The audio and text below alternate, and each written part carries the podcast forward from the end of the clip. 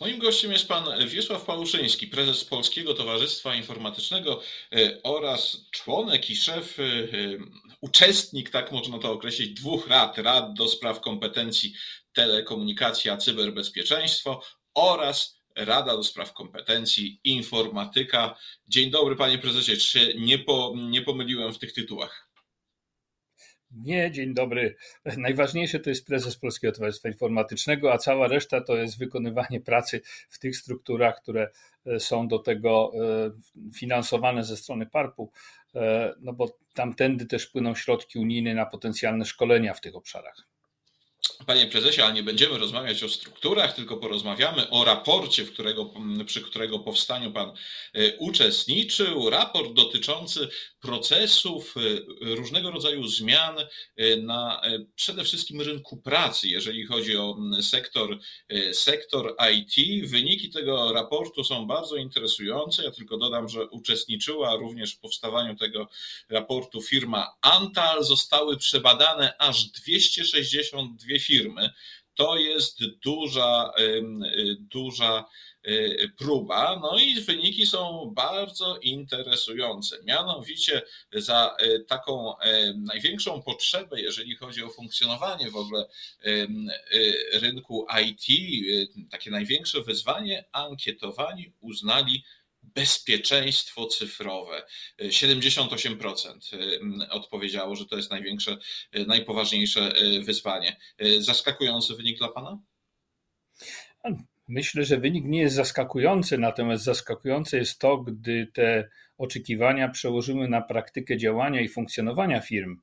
E, bo wtedy poza słowami niewiele idzie czynów i to jest to niebezpieczne rozwarcie w tej chwili, który, z którym mamy do czynienia. E, myśmy znając te wyniki, bo one cząstkowo w tym kierunku ewoluowały wcześniej, rekomendowali uruchomienie takich szkoleń, które PARP miał dofinansowywać w zakresie cyberbezpieczeństwa dla przedsiębiorców, czy bądź dla osób, które w firmach się zajmować mają cyberbezpieczeństwem. No i okazało się, że tutaj deklaracja jest tak, cyberbezpieczeństwo jest strasznie ważne, ale nie, nie będziemy tak długo szkolili swoich pracowników. Te szkolenia są za długie. My chcemy się nauczyć cyberbezpieczeństwa w 30 godzin, a nie jakieś tam 100 godzin e, rzeczywistej wiedzy na ten temat. E, I to jest to niebezpieczne rozwarcie. Deklaratywnie cyberbezpieczeństwo mm, jest na pierwszym miejscu i to w obu e, sektorach, zarówno informatyki, jak i telekomunikacja i cyberbezpieczeństwo, to z samej nazwy nawet by na to wskazywało, mm, ale działania w tym zakresie są słabe, e, bo jak później popatrzymy na inne wyniki, jakich specjalistów brakuje, o jakich specjalnościach, to się okazuje, że na e, jednym z głównych miejsc są specjalności miękkie, nie twarde umiejętności informatyczne, tylko specjalności, które pozwalają e, przeorganizować firmę, inaczej zorganizować biznes, zdefiniować procesy, które w firmie występują, i to jest oczywistość dla cyberbezpieczeństwa, bo technika jest na końcu, na początku jest organizacja. Najsłabszym elementem cyberbezpieczeństwa systemów jest zawsze człowiek, e, jego funkcjonowanie w określonym przedsiębiorstwie i to niezależnie od tego, czy to przedsiębiorstwo wytwarza oprogramowanie, bądź tworzy różnego rodzaju rozwiązania informatyczne, czy korzysta z tego, e, z tych rozwiązań informatycznych, ale musi mieć zorganizowaną swoją firmę w odpowiedni sposób, żeby te dane e, chronić. Więc te 78% jest pozytywne na przyszłość. To znaczy, jeżeli już jest taka wiedza i taka świadomość wśród przedsiębiorców, to zatem musi nadążyć rzeczywiście szkolenie y, specjalistów, którzy będą potrafili przedsiębiorcom na te wyzwania odpowiedzieć w praktyce. I to jest chyba najważniejszy wniosek z tej części badania. Ale czy to znaczy, że firmy niewiele bądź po prostu za mało robią, jeżeli chodzi o kwestie związane z cyberbezpieczeństwem? Tak.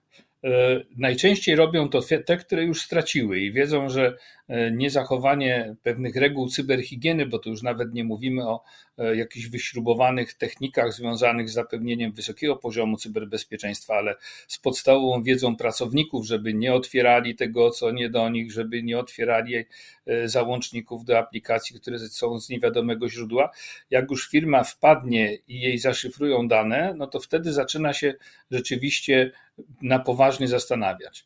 Natomiast najczęściej jest tak, że zarządy firm, to ma szczególnie w spółkach Skarbu Państwa jest niepokojące, że zarządy firm nie dostrzegają tego problemu i w momencie, kiedy trzeba przeznaczyć znaczne środki, bo cyberbezpieczeństwo nie jest tanie, a te zmiany organizacyjne czasami nie są łatwe do przeprowadzenia w firmie, no to zarząd mówi, e, ale to po co my mamy wydać tyle pieniędzy, kupimy coś jeszcze, zrobimy coś jeszcze.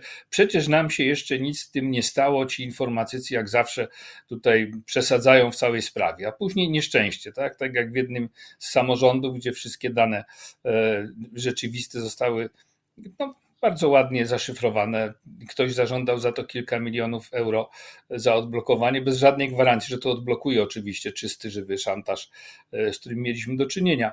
Mm, ale też nie doceniamy e, kwestii naszego know-how w firmach. Nie zdajemy sobie sprawy, że czasami nie widzimy, że z firmy wycieka jakiś zespół danych, który stanowi know-how firmy, który stanowi o jej przewadze konkurencyjnej. No już nie będę tutaj mówił, że miały takie miejsce wycieki nawet w firmach informatycznych produkujących gry, gdzie się raptem okazało, że e, część nowej gry raptem znalazła się na rynku i nie do końca było wiadomo, e, kto i w jaki sposób wyprowadził te dane, a musiał to być ktoś, kto miał dostęp do systemów informatycznych, bo te dane przecież nie są na kartkach gdzieś przekazywane, tylko one są w systemie informatycznym.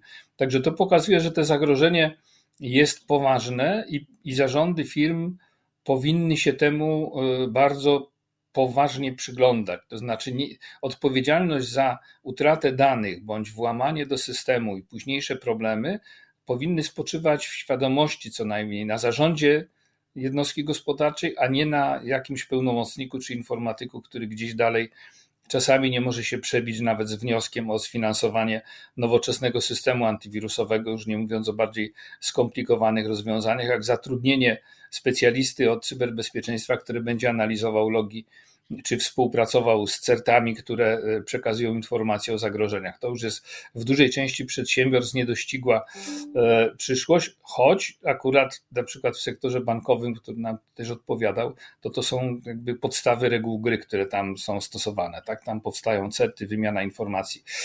Ale w przemyśle, który więcej pieniędzy przynosi w efekcie, no to jest różnie. Panie prezesie, a czy sprawy nie, nie załatwi, przynajmniej częściowo, sztuczna inteligencja? Sztuczna inteligencja w Państwa badaniu to jest numer dwa, jeżeli chodzi o wyzwania i najbardziej istotne procesy w sektorze IT, telekomunikacyjnym. Na sztuczną inteligencję wskazało 62% badanych. No i jak zmienić właśnie sztuczna inteligencja sektor IT? Proszę, proszę, pamiętać również, że e, no, istnieją prognozy takie, że mm, sztuczna inteligencja w różnych swoich wydaniach będzie w stanie zastąpić informatyków e, w dużej części. Czy to taki scenariusz jest możliwy? No, jeżeli informatyk y, nie posługuje się własną inteligencją, tylko sztuczną, to go sztuczna inteligencja zastąpi, trywializując ten problem. Y, ale prawda jest taka, że mm, sztuczna inteligencja mm, znajduje się na czele, ale tylko w obszarze sektora IT, gdzie się buduje rozwiązania. Y, już tam, gdzie się świadczy usługi, gdzie jest telekomunikacja, to już sztuczna inteligencja nie znajduje się na drugim miejscu Dlaczego? Dlatego, że sztuczna inteligencja jest narzędziem, które e, w połączeniu z budowanymi systemami informatycznymi potrafia w określony sposób ułatwiać rozwiązywanie problemów. No bo narzędzie informatyczne nie, nie służy niczemu innemu, jak rozwiązywanie problemów organizacyjnych, zarządczych, no nawet jeżeli ktoś korzysta ze, ze, sztucznej inteligencji, żeby napisać pracę dyplomową, to to też to jest jego problem. To ta, ta sztuczna inteligencja rozwiązuje jego problem napisania pracy dyplomowej. Mm, I sztuczna inteligencja też y, konfabuluje. To mamy e, udokumentowane przy różnych badaniach. badaniach. Dlaczego? Dlatego, że to, to nie jest tak, że algorytm, bo sztuczna inteligencja to jest algorytm, mniej lub bardziej dojrzały, połączony z mechanizmami e, samouczenia, bądź nie połączone z mechanizmami samouczenia. Dlatego tam zaraz za sztuczną inteligencją 61% to jest uczenie maszynowe.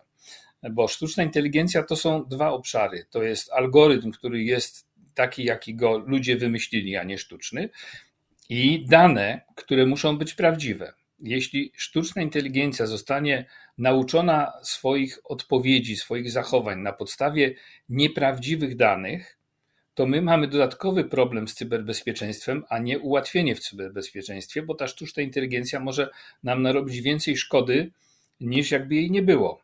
E, dlatego, że będzie w oparciu o e, kiepskie zasoby, kiepskich danych, no, podejmowała, sugerowała podejmowanie decyzji, które wcale nie muszą być optymalne. W związku z czym w całej tej, e, w całym tym ciągu działań chyba najważniejsze jest słowo edukacja, to znaczy edukacja w zakresie sztucznej inteligencji, uczenia maszynowego.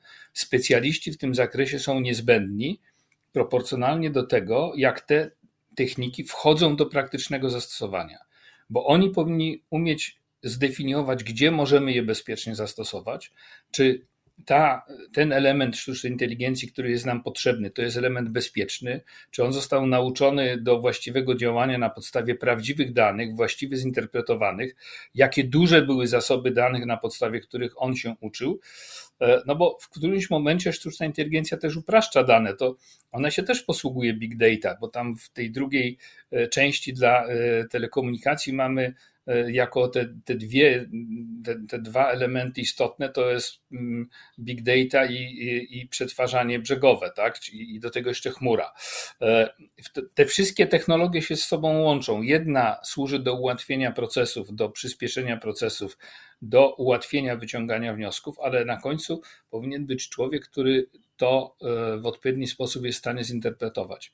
E, oczywiście, jeżeli ją, tą sztuczną inteligencję stosujemy w bardzo ograniczonym zakresie, na przykład do sterowania wózkami w magazynie, to ona jest bardzo efektywna i, i, trudno, żeby nam narobiła wiele szkody, dlatego że mamy ileś tam czujników, które te informacje do niej przekazują. Ona się uczy, ona zachowuje się właściwie. Ale tak jak mamy do czynienia z czatem GPT, który wszyscy śledzimy, no to są obszary, w których on po prostu jak nie wie, to zmyśla. Mam takiego znajomego profesora, dosyć znanego, który zapytał się go, co wiesz o, o, i podał swoje nazwisko. Okazało się, że całkowity życiorys był zmyślony, łącznie z miejscem pracy, miejscem urodzenia i tym, czym się zajmuje w, w zakresie nauki, ale był wiarygodny. To znaczy, jakby ktoś nie wiedział, że to jest nieprawdziwe, no to uwierzyłby, że to taki profesor istnieje. E, więc to są wszystkie meandry sztucznej inteligencji, która na pewno jest e, szansą. Ja jeszcze dał taki jeden przykład, e, dlaczego e, my raptem teraz zaczynamy tej sztucznej inteligencji wierzyć. Przecież wszystkie przeglądarki internetowe, z którymi mamy do czynienia od wielu lat, bazują na algorytmach sztucznej inteligencji. One wyszukują w sieci dla nas dane coraz bardziej e, w sposób prawidłowy, wydawało nam się, ale zawsze odpowiadają pewną listą, która jest odpowiedzią na zadane pytanie. Czat nie, czat odpowiada nam zero-jedynkowo. Tak, tak, tak, tak, tak jest. No i co jest? No to my w świadomości swojej myślimy, to jest bardziej wiarygodne. To jest wreszcie to, czego my oczekujemy. On nam pokazuje jedną odpowiedź na nasze pytania. To wcale nie jest prawda. On niewiele lepiej działa niż ta wyszukiwarka internetowa w wielu miejscach. On tylko według jakichś kryteriów w algorytmie e, na pierwsze miejsce wyznacza to, co nam odpowiada, a gdzieś tam dalej zaniedbuje pewne elementy, które wyszukuje.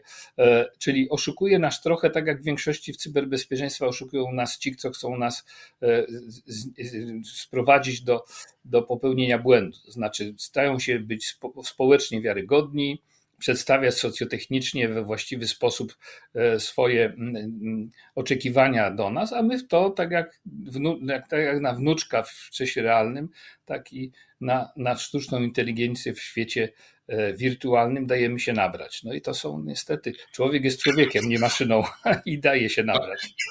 Panie, e, panie prezesie, to na koniec zapytam, jak te wszystkie procesy związane ze sztuczną inteligencją, z kwestiami dotyczącymi e, cyberbezpieczeństwa, jak one wpłyną na rynek e, pracy, na, co, na to, na co badaliście e, w sposób szczególny, jeżeli chodzi o sektor IT. Jak on będzie wyglądał w najbliższych latach w przyszłości?